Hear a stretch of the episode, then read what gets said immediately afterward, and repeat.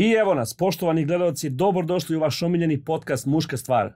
Naš večerašnji gost je Uroš Šašković. Uroše, dobrodošao. Hvala puno na pozivu, bolje vas naš. Uroše, veliko mi je zadovoljstvo što si sa nama večeras. Ti si jedan od najznamenitijih građana Obranovca i veliko nam je čast što si ovde sa nama. Ti si Guinnessov rekorder, tako? Tako je. Hvala ti puno na tom mišljenju. To je mišljenje svih nas koji smo te pozvali ovde i veliko nam je zadovoljstvo što si prihvatio da budeš naš gost večeras. Ti si Guinnessov rekorder. Da. Kako se dolazi do Guinnessovog rekorda čoveče? To je potpuno tačno. Mislim, ja, sam, ja sam malo skromniji čovjek, jednostavno ja radim ono što volim, eto, i samo se trudim da svaki dan probijam granice, i eto, igrom slučaja uh, oborio sam izvanično taj rekord. Ali kako se dolazi? Pa, mogu da kažem, vrlo jednostavno vrlo i, i komplikovano, zavisi kako ko gleda. Meni je jednostavno jer treniram preko 10 godina i spreman sam i aplicirao sam, oni su prihvatili i ja sam to odradio. E sad za neku osobu koja je na početku, tu mora već da prođe neki određen trenažni proces kako bi pomislila na tako nešto, ali u suštini nije to neki bauk. Dostupno je svima, samo eto moramo biti uporni.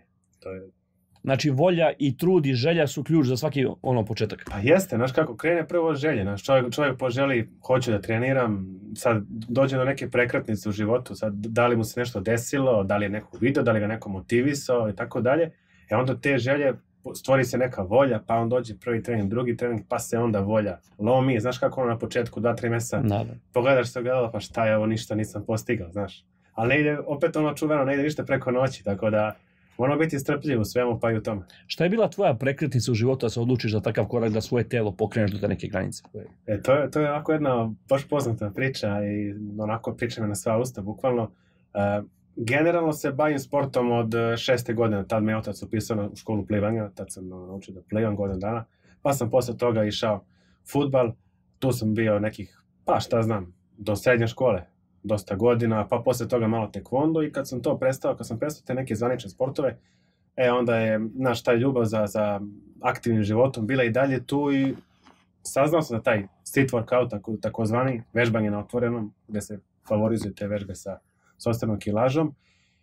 I međutim, pre nego što sam aktivno krenuo sa celom tom pričom treniranja i proučavanja celog eh, ovaj, tog procesa, imali smo na fizičkom uh, ocenjivanje, sklekovi su bili u pitanju, to su, radili su sklekove onako dve paralelne klupe i telo je moralo malo da propadne, znaš. Ideš dublje nego inače, kad radiš na podu. Da. I 10 sklekova za dvojku je bilo potrebno. Ja sam radio i jedva 10, znači to je bilo krivljanje levo. Mučenje. Znači, propadne dupe, znači ono, ne vereš koje je mučenje, bukvalno, ono nije bio sklek. A profa, mislim, ono, čovek ko čovek, ajde, dvojka da ne dam bruka, da mu ne, da, ne dam jedinicu. E, to je takozvana grančica koja je posle sve zapalila. A onda sam krenuo da se interesujem oko svega, pitao sam brata, ej, imaš neki on starijeg brata, neki savjet za sklek, kako da naučimo tada išao teretanu, on rekao neke klasične serije. I tako je sve krenulo, mislim, može se priča i biti. A zapravo, zapravo je čudna stvar, kažeš 10 sklekova. Koliko teško može biti da uradiš 10 sklekova na klupi i on probudi ti to u glavi kao da moguće da ne mogu da uradim 10 sklekova, znaš, da, i- i probudi u tebi neku vrstu inata čoveče, znaš, kao nemoguće da svi mogu. Verovatno su bili bolji od tebe neki sada i 15 i 20 i Mm. nešto i to verovatno budi neki bunt kod tebe. Spojio si neverovatne stvari. Plivanje, tekvondo, futbal, to su stvari koje nisu iz iste sfere. Da. U čemu si najviše uživao do sada? U ovome trenutno. Evo, ovde sad imam najduži staž. Znači, ovo mi je staž koji će ići, pa ne znam, bukvalno ne planiram da stanem. I to ono da sam pronašao sebe i tužijam i, i to sam pretvorio i to je ljubav i to je posao i to je zabava i hobi i svašta nešto. Bukvalno sam sve pronašao u tom jednom. I drago mi je što imam priliku kroz to što ja radim da povučem i motivišem veliki broj ljudi. Reci mi, ti radiš i monitoring i vežbaš i nadgledaš druge ljude dok vežbaju, daješ savete kako ti to funkcioniše celu, celu priču vodim sa drugom Nikolom, Kinezom, ta- tako ga zovemo Kinez. Da? I m, u principu naš zadatak glavni nije da sad vodimo personalne treninge. Mi to ne radimo. Znači, pre svega, preko te YouTube zajednice, preko Instagram zajednice svih ostalih društvenih mreža, zadatak je motivisati što više ljudi. Znači, motivisati ih kroz prave vrednosti. Znači, kroz vežbe koje će oni da nauče da rade, da nauče pravilnu formu, znaš, da, da nauče pravilan pokret i tako dalje, tako dalje, da shvate oni šta žele i da vide da je moguće vežbati na otvorenom i postići rezultate, jer vežbati na otvorenom je dostupno svima i besplatno. To je pravo. To je neka motivacija za ljude deblje poput mene, da se malo pokrenemo, da malo, da, ja, ja to sve gledam, to sa strane onako, ja se ja iskreno divim ljudima koji to rade kao ti i zaista je to fenomenalno i treba, pogotovo kod mlađih generacija, primetio si, pošto da reći, dosta, dosta su gojazniji, dosta su nekako manje aktivni, sećaš se kad si bio klinac, drugačije su bile fizičke predispozicije dece i drugačije je bila trenažni proces i sve to, svi su bili u nekom treningu. Danas mal, manje dece trenira sport nego u tvoje vreme i moje kad smo bili klinci i sad je to baš uzelo dosta maha. Kako, šta savjetuješ klincima u vezi treniranja na polju? Šta bi, voli, šta bi trebali da probaju? Jeste, jeste. Tu, tu se potpuno slažem. Znaš kako, danas je u nekako mode više biti blejač kod tih mlađih generacija. Idemo po nekim tim mračnim mestima, kupi se neko pivce, pa onda izađemo negde, pa sad naš cilj je imati što bolji telefon, pa se trkujemo oko toga, pa cijemo roditelje da nam kupe neke materijalne stvari koji će nam dati tu neku privremenu vrednost nečega. Znači, mi ćemo da pozajmimo nečiju vrednost kao i da se uzdignemo. A u stvari, recimo, eto, 2014. 15. godine kad se napravio taj ovaj park Coca-Cola tamo u Dudovima, 2015. tamo je bilo po 40 ljudi uveče. Znači, dođeš u 7, ne zna se koga više ima, komarac ili ljudi. Znači, ono je bio show. I sad kako su godine odmicale sve više i više, evo danas, pa bude 5, 6, 7, ima tu nekih mlađih, ovaj, ali njih to nekako ne privlači. I, onda, kad se sjeti, sjeti se pred leto, recimo mesec, dva, i onda se jave, ej, Jaške, Moram na more, Slušaj, znaš. ide leto, tako je, uh, pločice, hoće da se vide pločice. I kaže mi, može za mesec, dva, š- najbolja vežba za stomak da dobije za dva meseca trbušnjaki. Na, na tu poruku redko kad odgovorim. Ako odgovorim, ono, ispišem čoveku, znači mora da se spusti na zemlju. Jer to nije tek tako tralala, poželim za dva meseca ostvarim, ajde prođe leto, onda ide opuštanje tamo, naš ono, slave, jesen, zima, uh, proslave, praznici i tako dalje. Ne, ne može. Znači, uh, jeste to proces. Ali to je proces koji se kasnije isplati, jer realno, za jedan dan, oni zašto su oni ubedači? Jer oni krenu da vežbaju, ajde recimo da su oni videli naše savete i shvatili su tamo šta hoće da rade. Da. Sad on dođe prvi dan vežba, pogleda sebe gledao, ništa nije, dobro, ne vidi se ništa. Sedam dana prođe, on se opet pogleda, ništa. Misli da je uzalo dobačeno vreme, Tako trudi sve to. I on sad misli, pa što ja ovo radim ako nemam rezultate? Jer ti tek posle mesec dana možda možeš da nazireš nešto vrlo malo, pre svega taj neki osjećaj, bolje se osjećaš. Znaš, dobijaš tu neku energiju. Za nekih šest meseci, godinu dana, e, tu već kreću rezultati. Tu već kreće, se smanjuje i struk, i, i noge, i malo možda neka vena iskoči na bicepsu. Nije to ništa drastično. Ali to su već prvi rezultati i zato je potrebno to strpljenje. Ja znaš kako, e, motivacija dođe čoveku.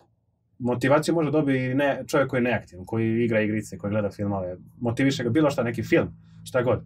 Ali poenta da se razvije disciplina. I kad razviješ disciplinu, ti ćeš da vežbaš i kad nemaš motivaciju. I kad imaš motivaciju, i kad je dobar dan, i kad je loš dan. Znači ti ćeš moći da vežbaš bilo kad i tebe neće zaustaviti ni loše vreme, neće zaustaviti ni toksični ljudi oko tebe, neće te ništa zaustaviti. Tako ja gledam, evo znam ljude oko sebe, Znači, svi su bukvalno vojnici. Zna se šta je disciplina, mi živimo taj neki surov život. Ali eto, mislim, tu smo gde smo, zdravi, pravi i širimo dalje. To što si rekao, disciplina. Koliko je zapravo teško instant generaciji, moramo se složiti ovo sada instant generaciji, sve na sekund, sve na 5 sekundi, Yes. story, sve to, kako instant generaciju usaditi naviku za nešto što će trajati 6 meseci, 8 meseci, godinu dana. Da li je to uopšte izvodljivo danas? Pa jeste, nekad treba biti surovo iskren prema njima, možda će ih to povrediti. Znaš, recimo, mene pokrenulo to na fizičku, što nisam mogao desiti leko. Bilo je tu nekih osmeha. Ono, mislim, ja se pre svega nisam osjećao dobro.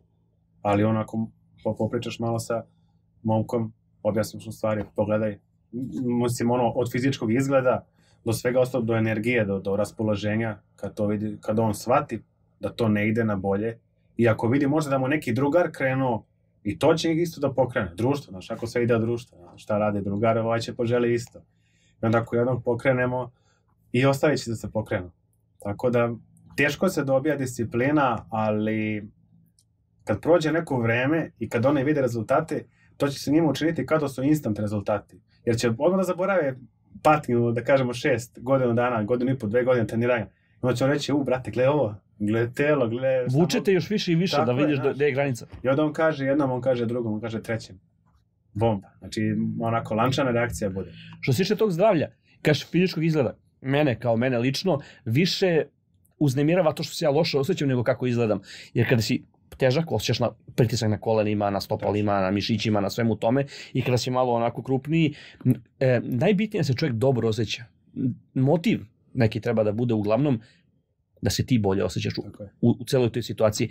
Pominjao si pivo, piće, zezanje, laganica, je li ide to zajedno sa workoutom? Ne ide, ne ide. Pazi, ja, pravu si, slažem se apsolutno s tom. Čovek kad krene da vežba, pre svega to će raditi zbog zdravlja. Znači, to zdravlje povlači sve. Kako se ti osjećaš, kako ćeš se sutra osjećati, da li ćeš biti ono sposoban da, da ustaneš ko raketa iz kreveta, da odradiš šta imaš tog dana, ili će ti biti ono, jao, brate, nije mi do života. I da preskačeš alarm, ono, 300 puta.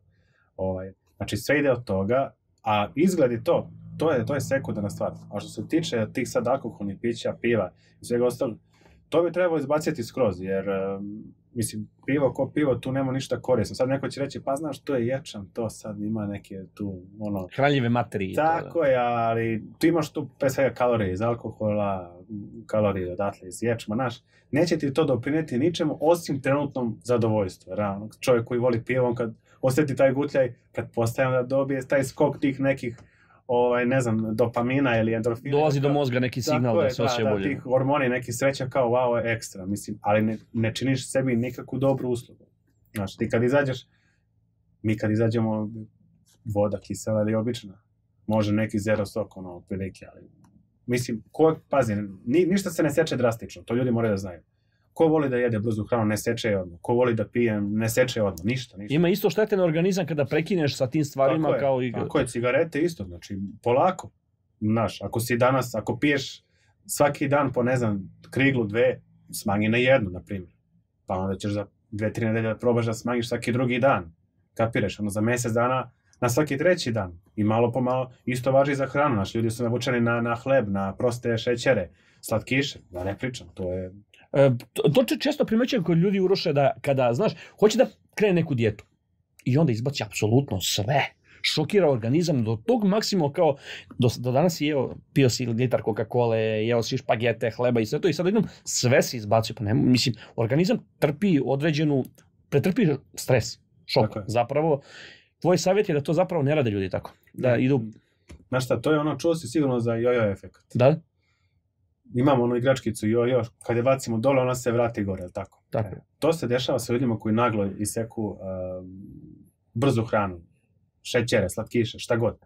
E, ajde sad da malo ću da zađem u, u dubinu, dešava se deoba masnih ćelija. Uh, gojazna osoba, znači ono gojazna osoba, baš, baš. E, kada naglo kada krene da, kako hoće reći šta hoću, smršam, hoću izgledam fit, ovo ono, i sad on video na internetu, dijeta, jabuke, voće, ovo ono, samo to jedeš, izgubit ćeš za 10 dana 20 kg, razumiješ? Mislim, ne je moguće, ok, sad sam malo preterao, ali za mesec dana će izgubi 10 kg. I, ovaj, I onda će biti gledalo kao, wow, ovo stvarno radi. Međutim, šta se dešava unutra njega? Te, te masne, ovaj, masna tkiva u njemu su kao, bili su kao baloni naduvani. I sad on ih ispraznio, on, te ta tkiva ćelije su se smanjile, ali znaš ako balon kad je došao, on uvek onako podložan mlitav je, znaš, da, da možeš da ga naduvaš. I sad, on kad se vrati uh, uh, tim starim navikama, a vratit će se jer je naglo i sve, ko nije ispoštao proceduru i, i brzo će mu se tražiti to što je pre uzimao, ti baloni, takozvani, će da se naduvaju još više i dobit će tendenciju da se podele. Znači, taj jedan će se, masna, masna će se podeliti na dve. I onda osoba bude još gora nego što je bila pre nego što je rešila da hoće da smrša. I zato tu sad postoji određena neka procedura kako pravilno smršati. Znači, jednostavno prvo pogledaš šta je loše što ti jedeš. Da li su to neki ovaj, belo brašo, lupo, ljudi vole pekari, ono, kupuju svašta nešto. Opet smanjuješ, znači niko ti neće reći prekini sa hlebom sad ovog trenutka kraje. Smanjuješ krišku po krišku, ono, kiflicu po kiflicu Znači, ali, ali ljudi moraju da shvate da ne možeš da jedeš đubre i smeće i da izgledaš dobro. Znači, moramo da dovedemo to u neki red. Ne odma, ali vremenom dovedeš to u redi. Znači, bit će magije, bukvalno magije. Osećanje, čovjek će se osjećati 300 puta bolje. Jer nema ništa dobro u tome. To se s vama apsolutno slažem i baš se primećuje ta neka genera kako su generacije prolazile ranije 90-ih, 2000-ih, sve više i sve više loše hrane zapravo na tržištu sve to. Privatan život.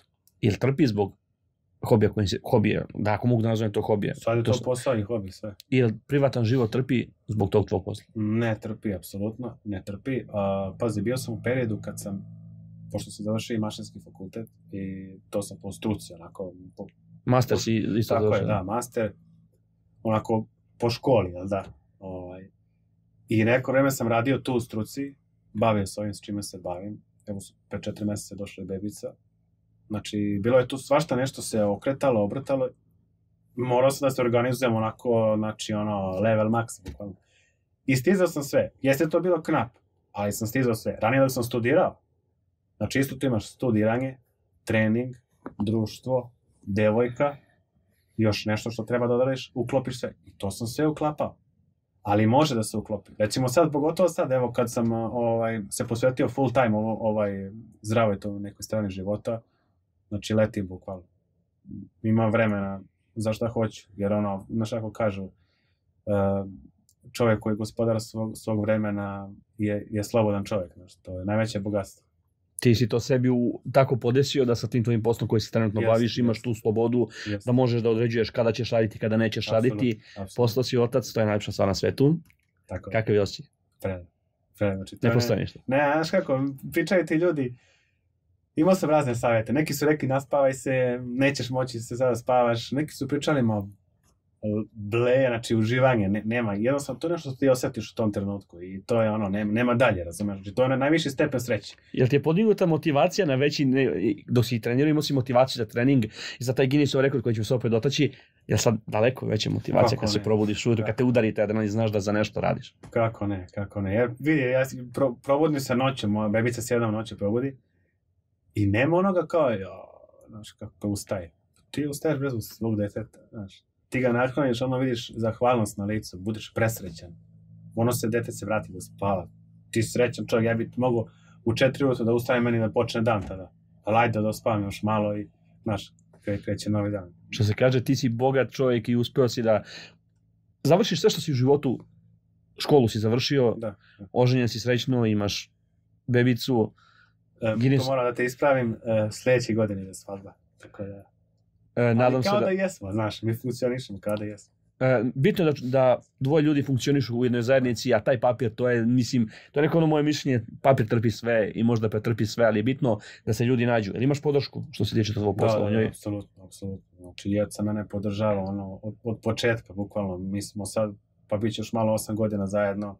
Znači, upoznata je sa svim što ja radim. Ispratila je ceo tvoj proces, bukvalno što se kaže. jeste, jeste. Pa koliko puta je samo ona išla snimala, svašta nešto pomagala, pa ona da neki savjet, pa nešto sazna i ona, vidi na Instagram neku foru, ej vidi ovo ne bi bilo loše nešto da se, znaš, odradi. Ba, baš je onako upućena u sve to i želi, na- i pokazuje želju da učestvuje u tome. To se meni dopada, jer, jer kad znam da imam taj vetar u leđa, onda šta može me tu zaustavi? Ništa. Ali zaista ono što jeste otrcana fraza i što kažu, ali iza svakog uspešnog muškarca zaista stoji organizovana i žena. I žena koja brine o njemu. To je tačno. Ako je loša žena, vuče muškarca na dno, tako? Jedno drugo vuku, to su, Jeste, to su povezane stvari koje bukvalno jedno drugo ili dižu gore ili spuštaju, disbalans ne može da postoji To, to je tačno, to je tačno. Tu, tu ne bih ništa dodao.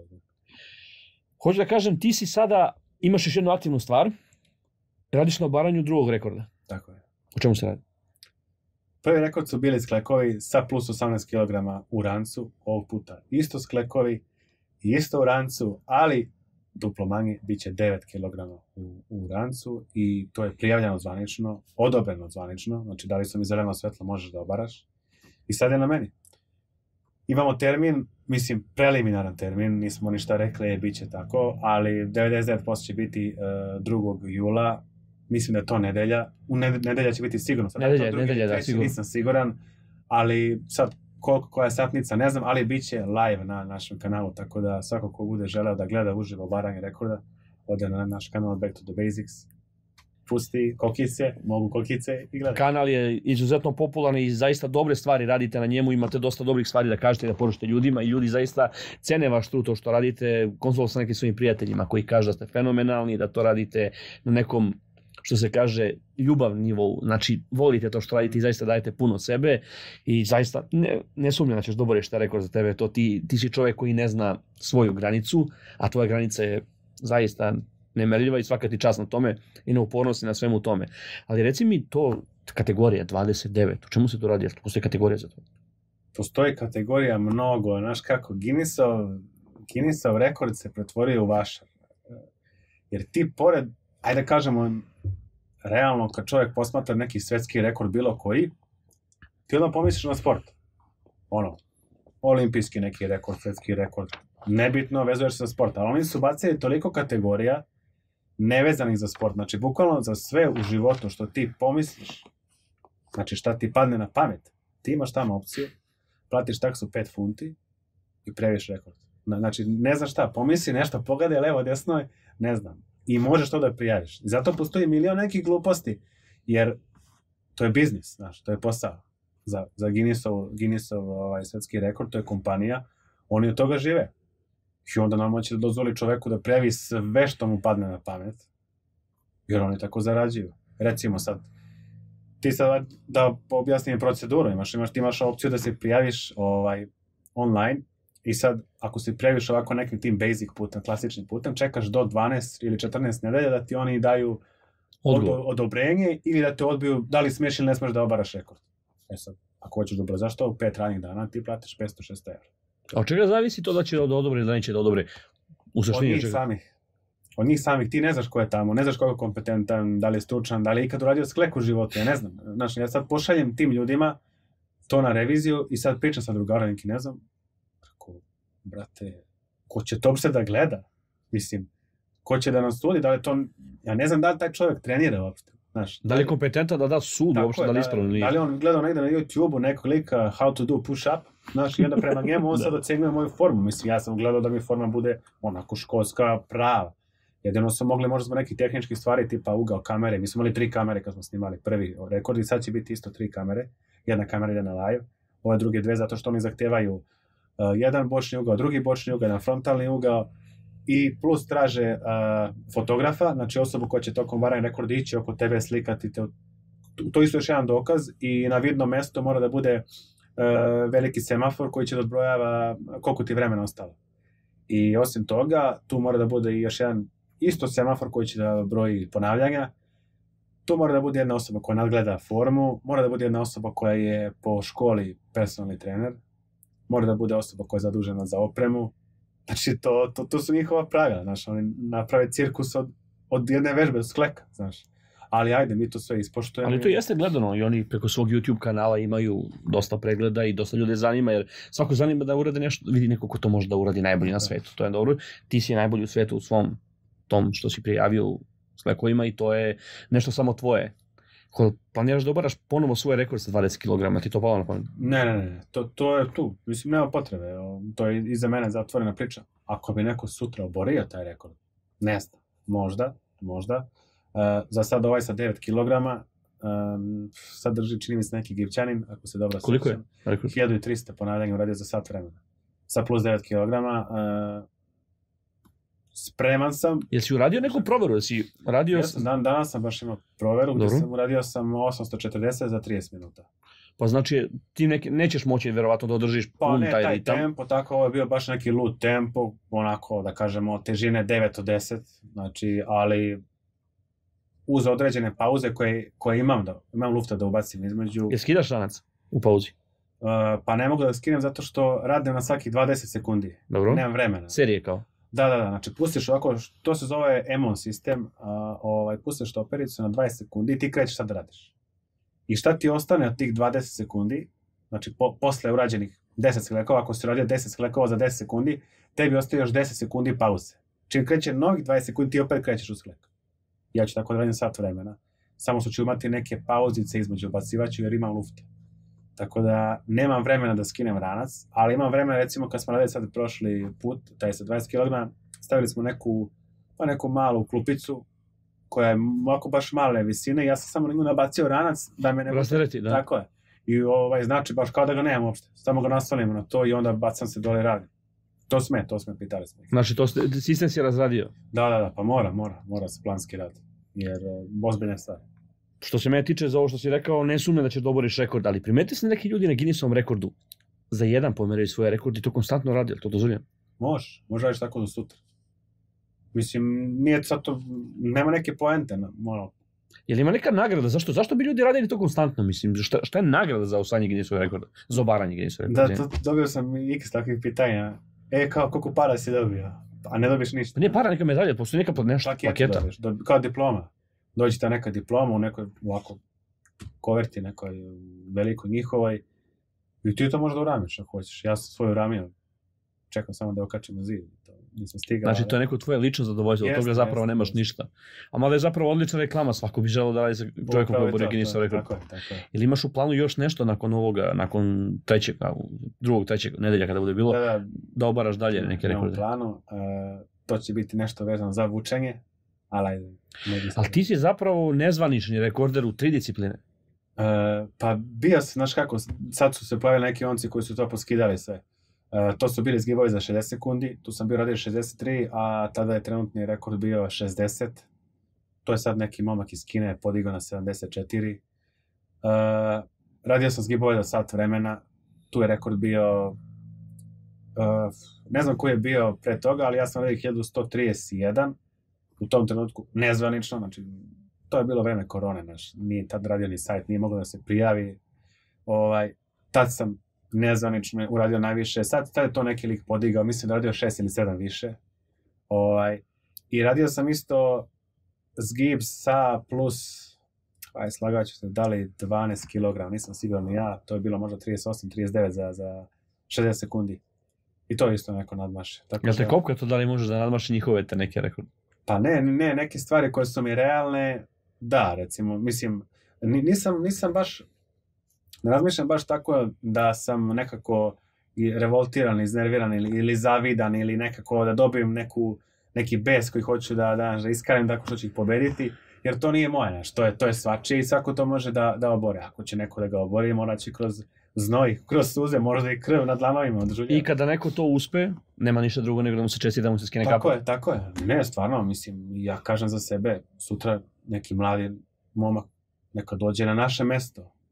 Ne- Neka se potrudi, ali to će, kažem, morat će to da uradi kroz znoj, kroz suze, kroz krvave dlanove. I ako to postigne, znači morat će da ustaje rano ujutru, da trenira redovno, svakodnevno, i ako to uspano zaslužuje da bude tu. Ti znaš da neko na tvom mestu ne može da bude neko ko spava do 12, jedan koji živi. Znaš da ako je tu, on je zasluženo tu. Kao i u vrhunskom sportu. Kada je neko došao do tog nivoa, znači nije mu palo sa neba. Morao je da, što se kaže, propiša i krvi i znoj da bi stigao do tog nekog levela i to je ono stvar za poštovanje. Opet dolazimo do jedne stvari jako bitne. Rekao si da si svestan šta možeš, a šta ne možeš. Znači, to je neka mentalna snaga. Doćemo do toga. Koliko je mentalne snage potrebno da uradiš takvu stvar koju si ti uradio? Naravno, mi- mislim, mentalna snaga povlače odmah disciplinu. Jer sad, na, e, recimo ovako, ako posmatraš kao definiciju pobednika, ko je pobednik? Znači, to je neka osoba koja kad treba nešto da uradi u disciplini, sportu, šta god, on već sebe vidi kao da je to osvojio, kao da je to uspio. Znači, već sebe vidi sa te neke druge strane linije, takozvani finish line, kao prvo mesto. Znači, on, on može to da oseti. Razumeš, on može to da udahne. On može sebe da, da tamo vizualizuje kako je on to osvojio i pobedio. Znači, to, to su rođeni pobednici. Znači, on, on neće doći uh, u neku halu ili na neki teren i reći, ha, ajde radimo ovako, pa možda plan uspe. Ne, ne, ne, znači, plan će da uspe. Znači, ja sam došao tu i ja, ja, ja ću da uspem u ovome. E, to je, to je pravi šampion. I ja tako, znaš, ja sad treniram, ja kad hoću da prijavim neki rekord, ili ne moram da prijavim, kad radimo nešto ovako mi za našu dušu, dođe do neke ideje, ja znam da li mogu da radim ili ne mogu da radim. Znači, neću sebe dao neku nerealnu, neki nerealan cilj, ne znam, 90 gibova za 60 sekundi, pa ne, znaš, nisam čak Norris, ono, i ja sam na zemlji, ali treniram dugo da znam šta mogu da uradim.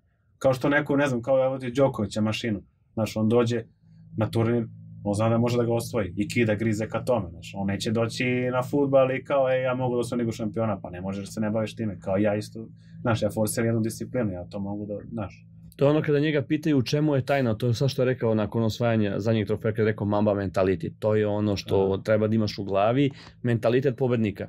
Mnogo je bitno verovati u taj neki krajnji cilj. Jesi li ti verovao da možeš da uguraš toliko daleko kao što si sada stigao na taj neki stepen? Pa da, da, verovao sam. verovao sam. Mislim, krenuli smo 2015. celu priču sa kanalom.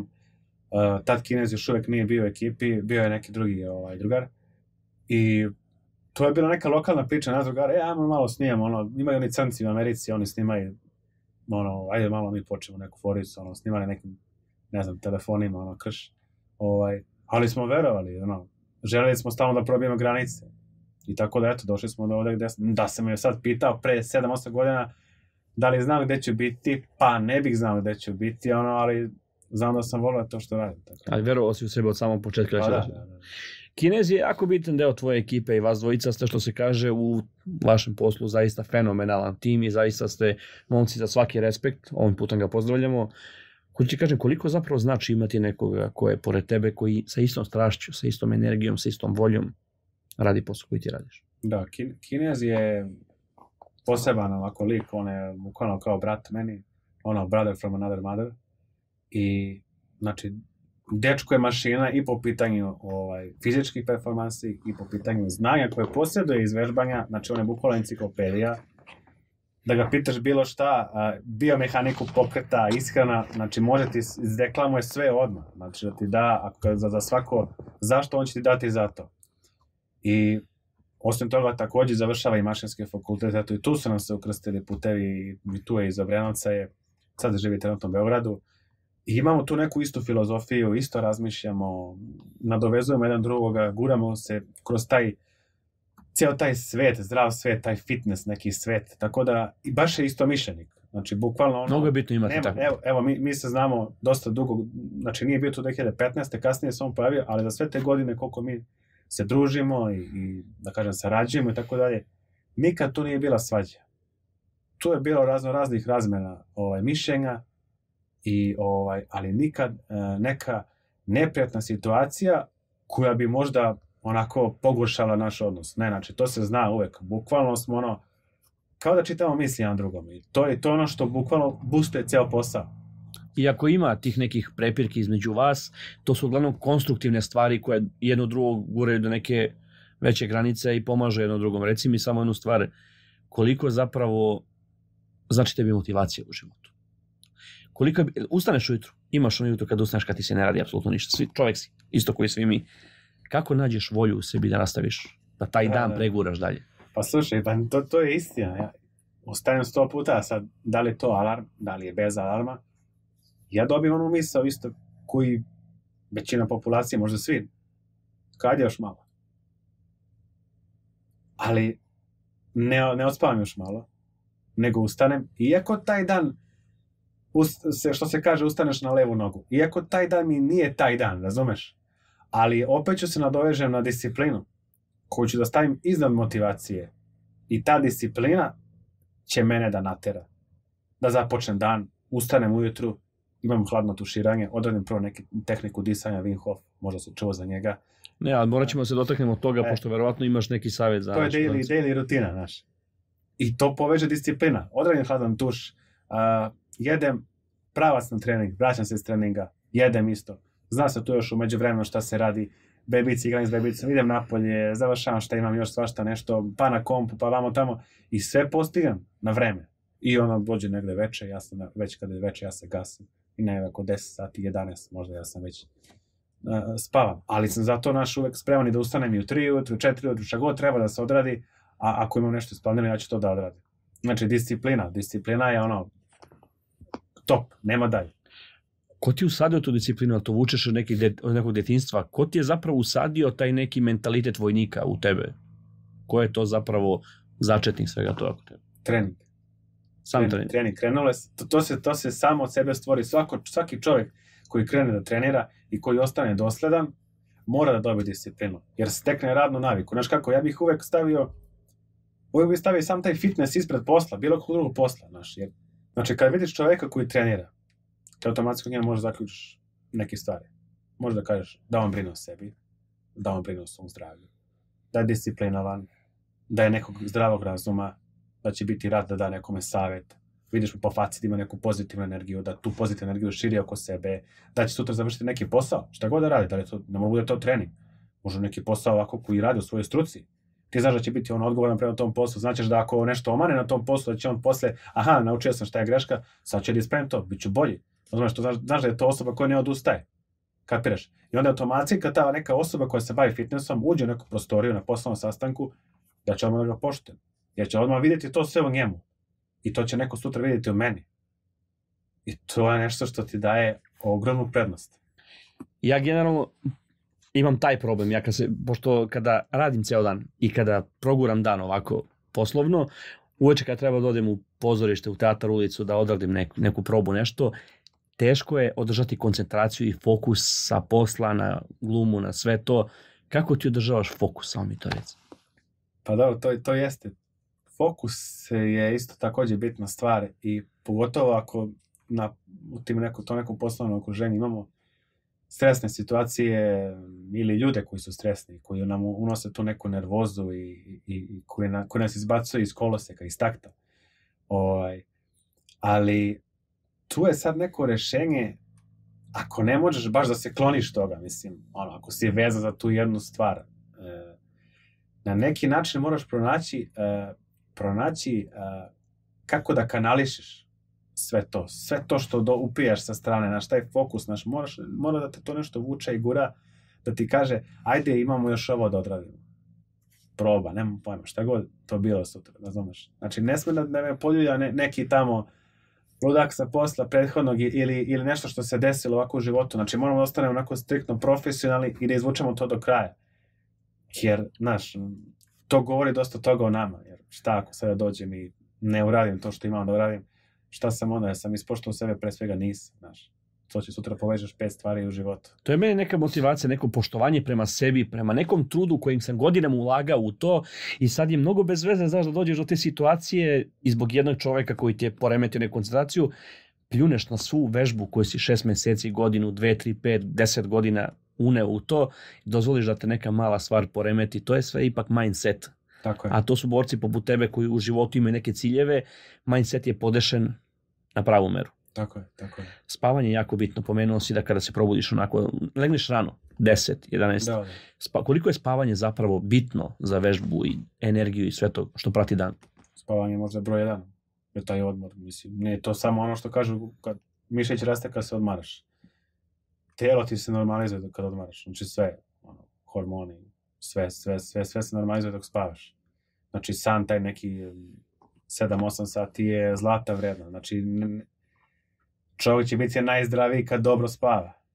Ti pogledaj sad ovo, ljudi spavaju po 4-5 sati, svi su hronično umorni. Kad si hronično umoran, nije ti do života. Pada ti imunitet, dobiješ razno razne bolesti. Svašta nešto se nadovezuje na to. Hroničan umor ima, ljudi često su to oko mene imaju taj problem zbog silnih snimanja, predstava i svega toga. Kako da se čovjek reči, reši hroničnog umora koji ima u sebi? Jel imaš neki savjet za to? Kako se zapravo smanjuje? Ne, ne možeš da reći, hroničan umor je stvar koja bukvalno uđe u mozak. To je ipak stvar glave, nije stvar tela u glavi. Kako, kako se reši čovjek toga? Ma to je vezano za lifestyle, znaš, mislim, ne možeš da ti čoveku, pre svega san, ako može da spava onoliko koliko bi trebalo da se spava, to je broj jedan.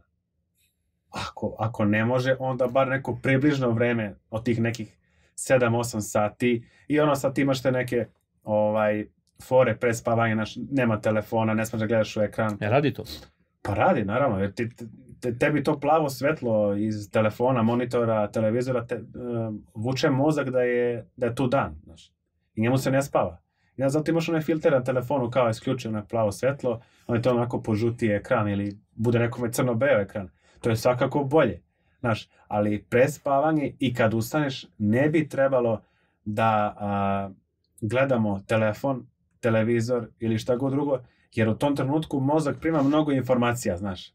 Jer, recimo, e, kad ustaneš, ono, telefon, ajde idemo Instagram, TikTok, šta već, i te, tvoj mozak sad dobije te informacije, ti gledaš neke smešne klipove, svašta nešto, i tebi dopamin skače, znaš. Ti si srećan kao, brate, gle foru, kako je ovo dobro, znaš, i listaš, listaš, listaš. I šta se desi? Ti imaš taj neki skok dopamina, onako, ta linija baš ide onako gore, i ona brzo padne, znaš, čim prekineš telefonom. I tebi tad padne raspoloženje. I budeš gori nego kad si ustao. Kapiraš? A kad bi lepo sad ovako ustao rano ujutru, kao već ko ustaje, ne znam, i prva stvar, recimo, ono, malo čaša vode, odradiš uh, tehniku disanja, odradiš hladan tuš, na hladnu tušu dobiješ, dobiješ prirodan boost dopamina, znači i, i drugih hormona sreće, koji neće da padne posle tuširanja dole, nego će držati celog dana. ti znaš, a ovo sam imao 5 minuta ledenog tuširanja, znači ono, presrećan sam, kapira, držite to, držite to do kraja. Da. I to je fora da počneš e, dan na zdrav način. I onda posle toga neki obrok, recimo kafu ne bi trebalo piti uh, prvih recimo sat vremena. A to bukvalno svi radimo. Bukvalno stvar koja otvoriš oči kao skuvaš kafu, kao ne mogu bez toga. Razumiješ? Jeste, znam, pa ja sebi uhvatim nekoliko puta onako zbog te neke stare navike skuvam ja kafu, onda drži me tu sa strane. Ali onda dok, ja, dok, se, dok odradiš ti tuširanje, to disanje, um, svašta tu nešto Osladilaš. malo na što prođe, bar pola sata sigurno ti prođe na sve to. I onda je mnogo bolje. Pred spavanje, kažem ti isto, ne bi trebalo da gledamo u ekran. Jer to nas razbuđuje pre svega. I isto imaš te neke skokove i padove raspoloženja koji nisu baš toliko dobri. Znači onda ljudi često posle toga e, zatvore oči kao, u, pa ne spava mi se, znaš. I onda ti mozak navikavaš da funkcioniše drugačije, da možda živi kasno noću. Znaš, povezano je dosta toga i sve to vuče zdravlje jedno za drugim. Ja društvene mreže nisam imao poprilično dugo, do, neki, do neke svoje 718. godine i onda primetio sam u posljednjih par godina. Da, ti se, da li ti se dešavalo prevežbanja i kada si živeo taj neki malo nezdraviji život nego sad, da se u 3 sata noću probudiš, možda trčiš maraton. Vratiš se da spavaš. U 7 sati ujutru bukvalno ne možeš da ustaneš iz kreveta. Znači, kao, brate, bio sam odmoran, vratio se da još odmorim, ono, polomljen si potpuno. Znači, to su neke stvari koje se dešavaju i mislim da to znaš, probudiš se i kada se probudiš, automatski uzmeš telefon. To je neka stvar posvesno koju mi radimo i tada ti to što kažeš, to skoči, bukvalno ti isprazni. To je kao neka vrsta balona. I on te bukvalno te ponovo ugasi. Koliko je bitan balans između mozga i tela u tim situacijama? Telo doveo se nekog fizičkog maksimuma tvom. Koliko je bitan mozak u toj celoj situaciji? Pa moramo ostati zdravi u glavi. Na. Ne smemo biti takozvane ložane. Znaš, ako je telo dobro, bo mora i glava da isprati. Znaš, i onda rušiš onu predrasu. Znaš ono što kažu, ko nema u glavi ima u mišićima.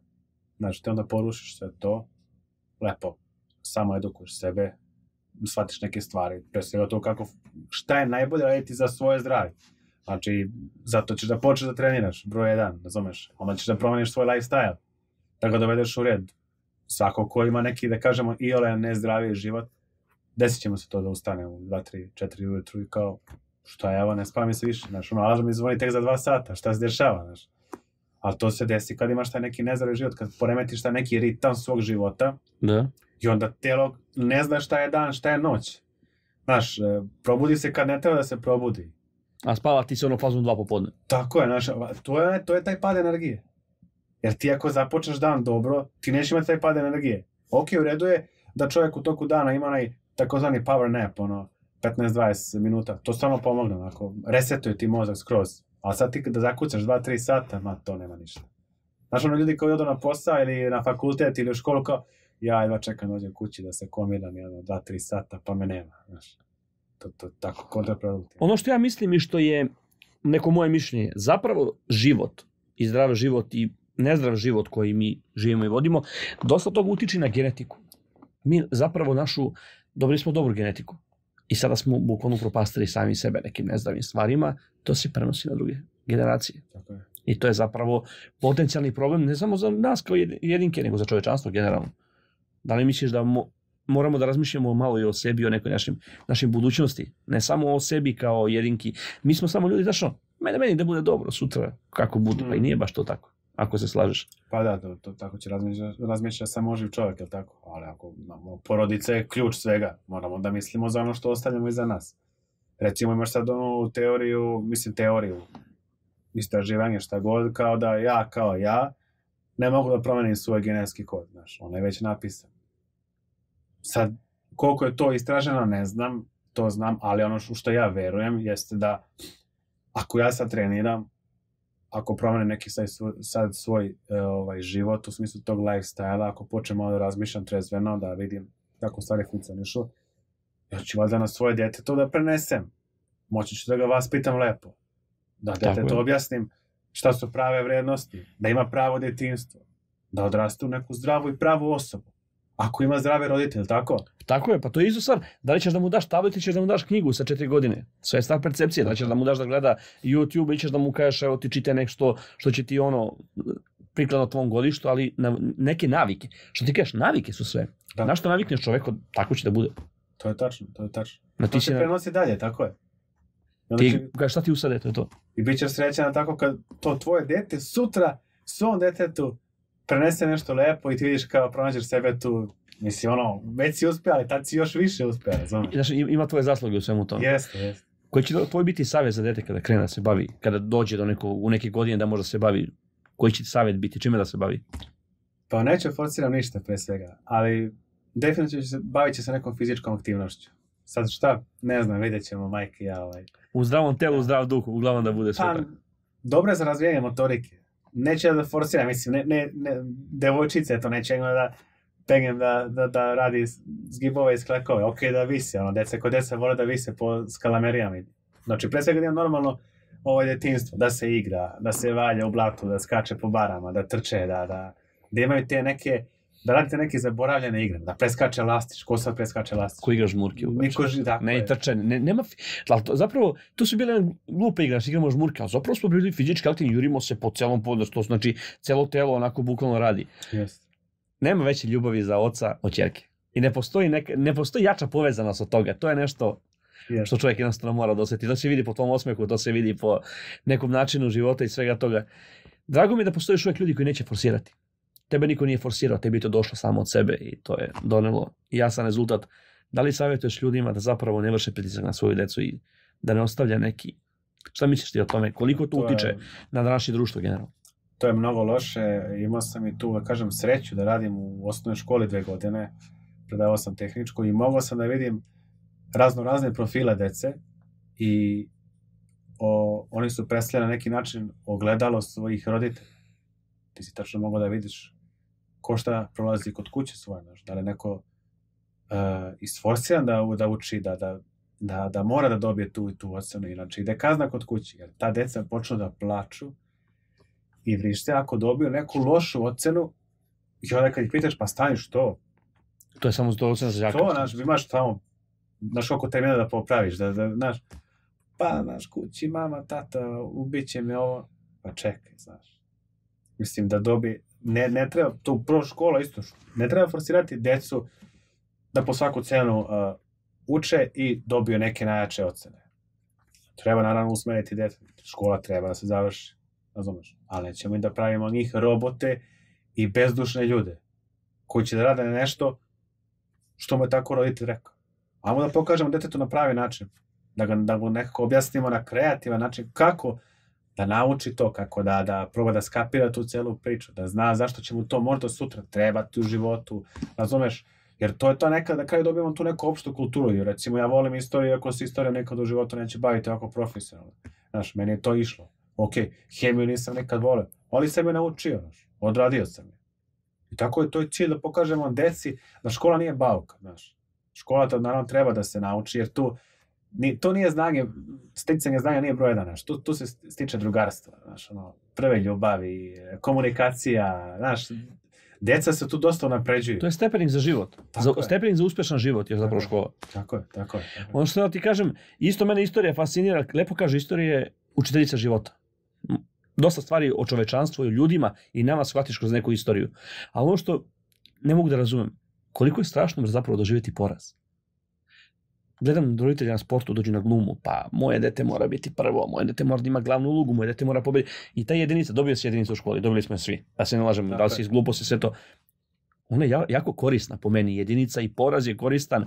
Što kažeš, roditelji ne žele da imaju poraz, da im deca imaju poraz. Poraz je sastavni deo svega to. Kako će da zna pobedu ako ne zna za poraz? Tako je. To je u to što ti kažeš da su u školi tako dolazili. Koliko je to česta pojava bila?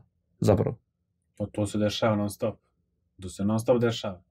Da ljudi, deca kad padnu na jedinici ili u sportu, što kažeš, teško ustanu.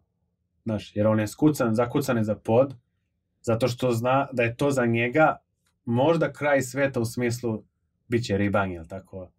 Biće kazna neka, nema je napolje da se izlazi, nema telefona, šta god, znaš. On, on to gleda tako kroz kaznu. Kao kad dresiraš nekog ljubimca. Nećemo to da radimo detetu. Da on to gleda kroz kažnjavanje. Neka dobije jedan. Pa šta? Da ne uđe u prvi tim, pa kakve veze ima što nisi u prvom timu. Znaš. A živ je, zdrav je, pametan Tako je, ima sve. Nije kraj sveta na Pa kraju. nije kraj sveta, mislim, de, de, dete ko dete treba da uživa. Mislim, pojedi slatko, pojedi grickacu. Slobodno, mislim, ne. Nećemo budemo babaroge. Razumeš, sve to proces, znaš, mo- možemo, mi, ćemo da usmerimo sve njih, ali onako, polako. Ali umeru, umereno. Tako Sve je. možeš, ali nemoj da preteruješ, znači u svemu tome. tako. Znači, kroz tu neku komunikaciju, ono, nećemo se zatvaramo ni mi kao roditelji, ni deca kao deca, ono, mislim, vidi, možeš da prepoznaš po osobi kad se povuče. Znaš, i, i bitno ti na vreme da detetu stek, daš neki utisak da on shvati da si ti cool roditelj. Znaš, da ne, ne nisi onaj roditelj koji će ga smara, znaš, kao, nešto on radi kao, šta ti, ovo, ono, neko, znam da može to onda popriča, znam da može dobiti tebe neko rešenje, neki savjet, ono, mislim, to je vada cilj, ono, svakog čoveka. Ono što sam primetio, znaš što, kao, ako ne uradiš to, bit ćeš kažnjen za to. Ali u suprotnom, ako uradiš nešto dobro, a dobro, to se to tebe očekivalo, znaš, nema one nagrade koje, e, ako uradiš to, imaš svaka ti čast, bit će slobodno sve to. Izgubila se ta neka mera, sad samo da se kažnjava, nema to neka da se nagradi dete sa nečim dobrim i sve to, ali najveća nagrada za dete je pohvala od roditelja. To je vrlo danas redko i to je ono što mislim da deca treba da imaju veću podršku roditelja. Kako ti se čini podrška u svemu tome? Koliko je bitna podrška porodice u usmjeravanju deteta? Koliko je tebi bitna u svemu tome? Do, ja mislim, moja porodica mene podržava. Maksimalna podrška. Ja osjećam njihovu ljubav. Tako da, I dužnost osjećaš da preneseš to. tako je, tako je. Ja njima to nisam tražio. On, oni, kao što ja sad osjećam, oni su to osjetili jednog dana kad sam ja došao na ovaj svijet i oni to dan danas osjećaju. Znaš, i onda tebi isto cilj, pa hoću ja to da prenesem, kapiraš? Jer te, danas nisu svi, mislim, ne, ništa ne generalizujem ja. Ali ti kad vidiš neke roditelje, dosta su hladni, znaš, neće se igraju sa decom. Znaš, tu, tu nema ono, ili ih pošalju igronicu, evo vidi ti tamo igronicu, da ću pijem kafu, da blejim negde, ili nek, neko babysitovanje, ovo ono. Ja sećam kad sam bio mali, pa moj otac okupi moje drugare, nas 7-8, ovo ono, i vodi nas tu po, idemo u neke avanture, znaš, ono, bili smo male Indiana Jonesovi, razumeš, ono, istraživali tu neke šumice, ovo ono, svašta nešto radili, znaš, i to, to te čini srećnim, postiče tu neku kreativnost kod tebe, znaš. Ja poželim sutra isto tako, pa znaš, kad vidiš dete da skače po bari, pa nek skače po bari, znaš, ono, neće biti ništa. Čini se da među nama odrastaju zapravo generacije koje su zanemarene od tako neka vrsta i mislim da će se to preneti na još neki veći loši nivo. Nije mi jasno kako se izgubi ta želja. Ti imaš želju kad se prvo se poigraš. Da nestane ta želja u čoveku da jednostavno bude blizak sa svojim tim nekim, što se kaže, naslednikom. Pa, ljudi su preokupirani možda nekim svojim ličnim stvarima i onda zanemaruju ljude oko sebe. A to shvate kasno, kasnije, znaš. I to mi se odbije od glavu. Jednostavno, imaju neki prioritete koji su možda pogrešni prioriteti. Možda loš posao neki, znaš. Ako je loš posao, pa promeni ga. Jer taj strah od, eh, od, nepozna, od nepoznatog, strah da izađemo iz zone komfora, e tad čovjek pada, znaš. Jer ti kad dođeš do situacije da ti kako da objasnim, da ti strah od eh, promene okoline postane veći nego od straha da izađeš iz te zone komfora, ti ćeš tada da se promeniš. Dokle god se ti tu, znaš, ono kao ja sam siguran, pa znaš, kao plata ovde leže mi, znaš, sigurica, ovo, ono, ne, nećeš ništa postići u životu, znaš. I vrti se stalno isto.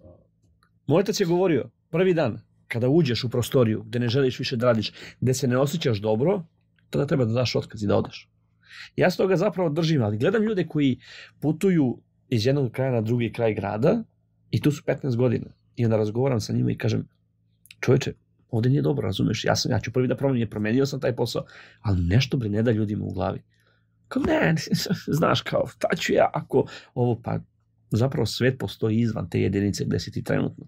I to je ta suština koju ti pokazuješ ljudima da zapravo svet je napolju, na klupici, nije u teretani, da si ti zatvoren, da ti trčiš, zapravo svet je gde ti odlučiš da bude. Tako Si u parku odluči da vežbaš. Vežbaj u parku. To su neke stvari. Reci mi samo jednu stvar što hoću da te pitam, jer postoji neka vrsta treninga koju ti održavaš? Održavate neke grupne treninge ovde u Brenovcu? ne radim grupne treninge. Znači, ni, nismo uopšte u, u, ovaj, ovaj, u toj priči personalnog treniranja. Na taj način jednostavno ne možemo da dopremo do što većeg broja ljudi.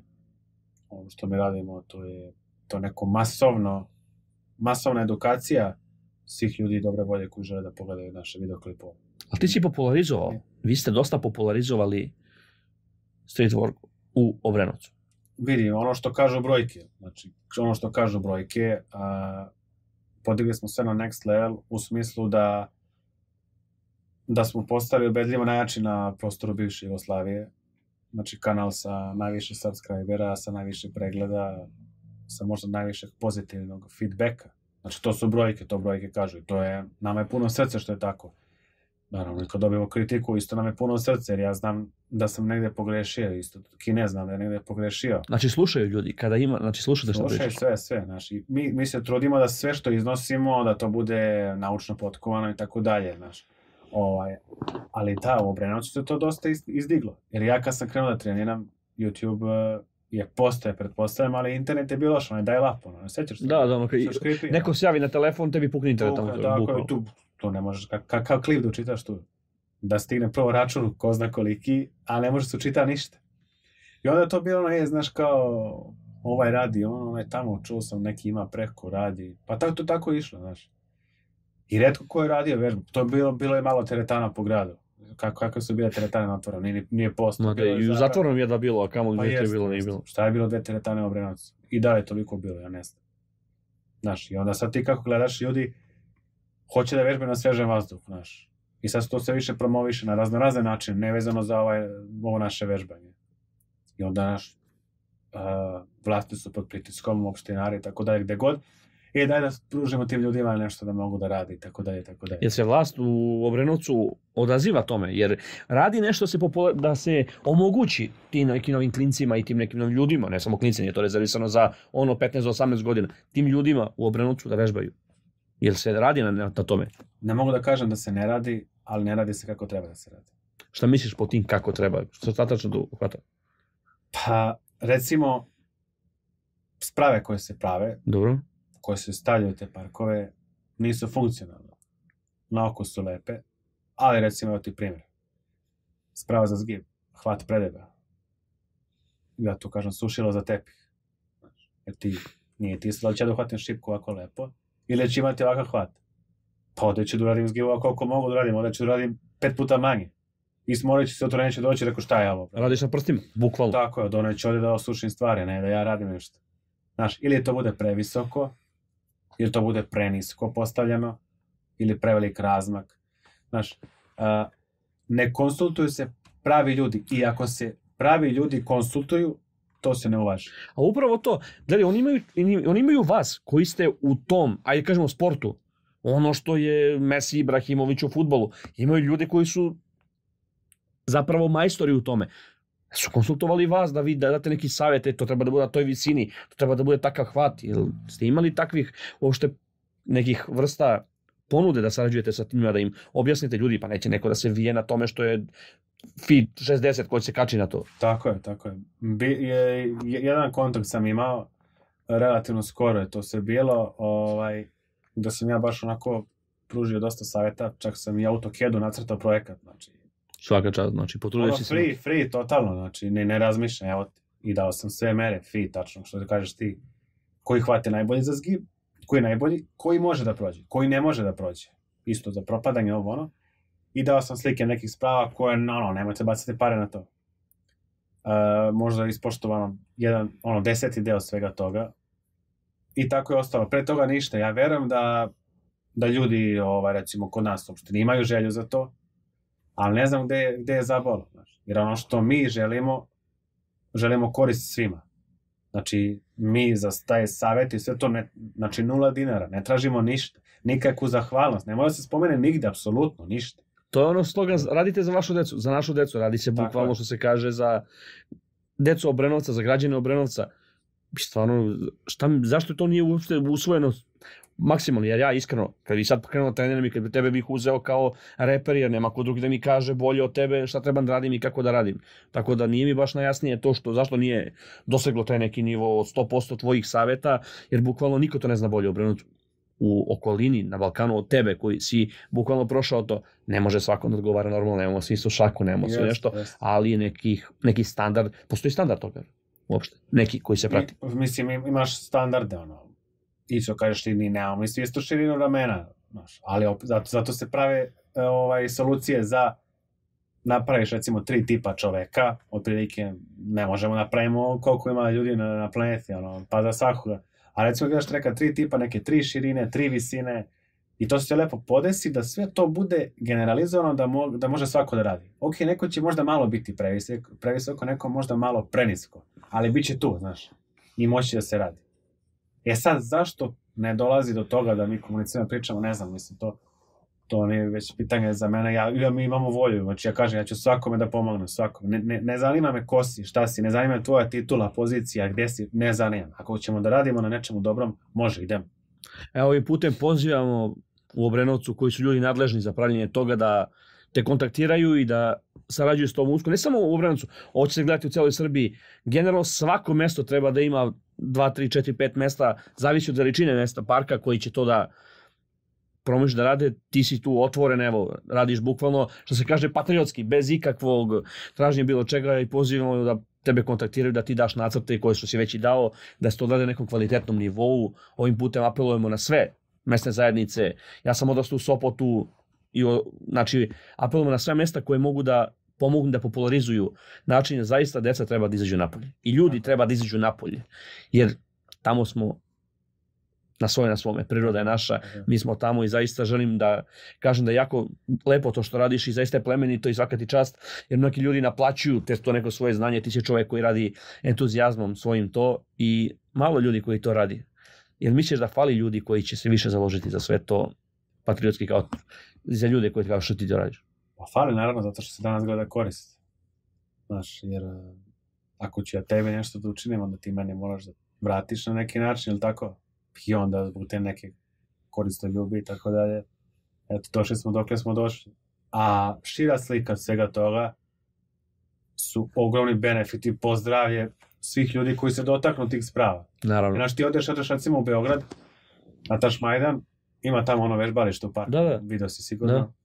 koje nije u sjajnom stanju, nebitno, ali ti vidiš dođe tu osoba od 75 godina starci, ono, po- popnu se malo pa rade nogama, ono, aktivni su, znaš, on sam sebi produžava život na taj način, jer je odradio neke banalne vežbe, ali su za njega te vežbe izuzetno kompleksne. I, i to, to njemu godi, razumeš? I svim ostalima koji priđu tako pa probaju nešto, pa deca dođu, zainteresuju se i osrednji ljudi, su- znači povlači mnogo toga i sve korisno, znači nema šta loše toga da bude, recimo, ne postoji. Evo ja u bloku baš gledam, u Novom Beogradu gledam žene koje imaju 60 godina, fazoni rade vežbe. To je, to je nagrada za tebe zapravo. To je ono što ti dobijaš, ne finansijska, ne nešto. To kada vidiš, to je tvoja zapravo nagrada. Ja mislim da kada vidiš, znaš da ima donekle tvoje zasluge i zasluge ljudi koji se bavite tim. Jeste, mislim, pazi, e, ima dosta momaka u Srbiji koji promovišu istu stvar i to su zaista sjajni momci koji, su, koji dele istu ili sličnu viziju kao Kinezi ja i sa njima smo ono redovno u kontaktu i podržavamo jedan druga. Svako je naš na nekoj svojoj teritoriji. Ali nekako kao da nas je još uvek e, dosta manje da bi se naš glas čuo. Ali ono, rastemo. Mislim, Jer vam je palo na pamet da napravite neku organizaciju od toga. Da imate neku kao zvaničnu, kao što je ono, lupam, Teniski savez Srbije, da napravite neki savez koji postoji samo, koji će se baviti time. Imate neku nacrtnu ideju toga svega. E, jeste, bilo je takvih zamisli, ali, ali prvi, prvi problem odmah u startu, onako da te zakuca je taj što ovo što mi radimo nije priznat oficijalno sport. I tu se, to je kraj. Znači, mora budeš priznat sport da bi imao savez, recimo, ko što se pomenuo teniski i tako dalje, ne može. Imaš sad tu neka, možda napraviš sportsko udruženje, recimo postoji jedno sportsko udruženje Street Lifting Serbia, oni, oni se bave organizacijom takmičenja u street workoutu, zgibojima i tako dalje, i svim tim ostalim vežbama sa dodatnim opterećenjem i oni su rade super posao, isto promovišu, idu tako po gradovima, prave takmičenja, klinci dođu, rade vežbe. To je isto ono pohvalno, znaš. Ali opet fali dosta, dosta pažnje, znaš, jer to nije neki profitabilan sport, znaš, da mi sad možemo da privučemo jake sponzore koji će sutra, znaš, da nešto urade, pa će da neka opština profitira, razumeš? A možda bi to, ba, gledaj, to bi bilo možda interesantna ideja. Imaš ono strongman takmičenje i sve ono. Nema to baš nešto mnogo velike razlike, samo što si ovde, ovde su još, ne, nisu ljudi no po 500 kila čovjek, kao, kao naš katona koji možda ono, baci gumu 100 metara u vis. Mo to bi možda bilo interesantno, ta takmičenja bi ljudi gledali, to bi bilo zaista gledano. Koliko si daleko od sporta zapravo, to mene zanima, jer karate, recimo, on je ubačen u olimpijske igre pa izbačen. Znači, kao, to je meni nelogično, imaš ti sportova koji nemaju Da, da, da. biciklizam, razumeš, ono, ne, ne biciklizam, ovo, Ušao je skate sada. skate, da. Zar karate? Pa karate je jedan od onih koji su na, na onim plaketama za olimpijski sport. Kako je to moguće da to nije sport, da vi niste sport? Kako se to rangira uopšte? To ti pričam, mislim, kad u tom neki, ti nekim upravnim odborima sede ljudi koji ono, ne, ne razmišljaju trezveno ili ne znam šta im se desilo, pa recimo neko se usudi, usudi da izbaci karate koji ono, drevni sport, realno. A možda misliš reakciju ljudi u onom olimpijskom komitetu? Šta radite? Znaš, Ne, ovo je pa, pa biznis, šta, mislim, ja ne vidim drugačiji razlog za, zašto bi to neko radio osim biznisa. Tu se ne gleda korist. Nikako se koriste, a kroz ovaj sport mogu se praviti zanimljive stvari. Recimo, mi smo pre dve godine, dve, tri godine napravili kao neki BTTB Kali kup, gde su bile te neke Kali borbe, u smislu, postavi se poligon i a, odabere se, ne znam, 16 najjačih takmičara koji apliciraju, konkurišu za to takmičenje i odaberaju se, napravi se kao taj neki kostur onako takmičenja, gde se vode borbe jedan na jedan. I postoji taj neki poligon. I sad, pušta se vreme, kreću obe atlete da rade iste vežbe i ko prvi završi, pobedio ide se na sistem ispadanja. Isto važi za ceo kostur. Ide se na vrh, na vrh i posle one uzima nagradu i to je baš bilo ispraćeno ludo. Znači, to smo radili jednom, odradit ćemo i sada. Iskreno ja, bi, iskreno, ja bi to gledao i zaista bi, to treba da bude medijski pokriveno. To je meni fenomenalna stvar. E, Posjećam one Sasuke, Sasuke, one ninja Da, ratnike, da, da, ja, da, ali da. to je zaista i ispit snage, volje, mentaliteta, spremnosti. To su zaista stvari koje su fenomenalne. To trebaš da vidiš čoveka koji gura sebe do neke granice. Pa nije sport samo lopta, čovječe. To je, Jeste, jeste. To je, to je baš bio veliki hype to kad se radilo. Recimo, primali smo publiku tada, e, naplaćivali smo ulaz i sve te ulaznice su, smo ubacivali u humanitarnu kutiju. I bukvalno tu nismo profitirali od tih ulaznica, sve smo davali na humanitarnu stranu, ali dolazili su ljudi i gledali, to bilo navijanje, znači to je, znaš ti, ja sam bio učestvovao u, u tim borbama i to ti ono, naš, a, jedva čuješ svoje misli, jer onaj levo nešto navija, desno navija, dižete, znaš, ono, a, teraju te, guraj, guraj, da, hajde, hajde, znači, znaš, koji, kao, ne znam, u Americi, recimo, imaš one CrossFit Games, ono, Da. takmiče se ljudi u crossfitu, to na stadionima od po 20-30 hiljada gledalaca.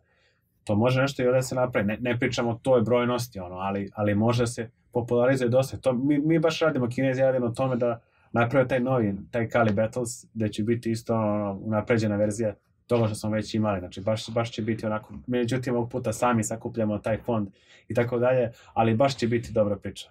E, za, zašto šta se samo sa tobom ne bi složio? Kažeš, ne možemo, ma, nismo dovoljno veliki tvrdimo. Jesmo bre, pa mi smo imamo najbolji košarkaša sveta. Imamo najboljih tenisera sveta, bukvalno bre, imamo više bezbola palica nego što imamo teniskih reketa 10 puta. Možemo da napravimo, možemo da budemo bolji od svih. Ti si čist primjer toga. Možemo se takmičimo sa bilo kim i u, i realno u tom sportu. Možemo da napravimo populizam i trebamo to da uradimo i zaista bi bilo dobro i podržavam apsolutno to što vi radite i trebate da radite na taj način i zaista trebalo bi da se nekako i radite na širenju medijski toga ili samo ćete ostati na YouTube kanalu.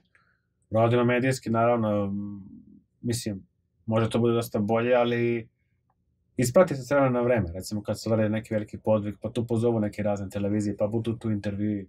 Ovaj, ne mogu da kažem da nema toga. Ima, naravno. Možda bi trebalo malo više posvetiti pažnje tome na, na razno raznim tim frekvencijama televizijskim. Ovaj, ali pojavi se. Znaš, tako da... Ali opet, kažem, treba to dosta da bude zastupljenije. Nadam se da će taj sledeće takmičenje, to vaše sledeće takmičenje proći još bolje nego što je prošlo prvi, da ćete napraviti neki kontinuitet toga i zaista imate punu podršku što se tiče svih nas toga i nadam se da će se ljudi odazvati da će to biti još veće nego što je do sada bilo i nadam se da ćeš mi biti ponovo gost kada napraviš još neke veće uspehe što se toga tiče. Ja ti iskreno želim sve najbolje i Obrenovac treba da bude ponosan što ima čovjek kao što si ti. Ti si na ponos ovoga grada i zaista mislim da si fenomenalan momak i da trebaš budeš uzor mladima u moru silnih ovih loših uzora koji su danas, nažalost, aktualni kod nas. Svaka ti čast i hvala ti što si bio moj gost, izuzetno mi je zadovoljstvo što si bio kod mene. Brate, uvek si dobrodošao i nadam se da ćeš posle svih tih novih uspeha doći ponovo kod nas. Dragi gledalci, naš večerašnji gost je bio genijalan mladić, fenomenalnog izgleda i fenomenalnog duha. Uroše, hvala ti još jednom i nadam se da ćemo se ponovo družiti. Hvala puno na lepim rečima, sigurno. Naravno. Hvala vam na gledanju i nadam se da se vidimo i u sledećoj epizodi. Pozdrav!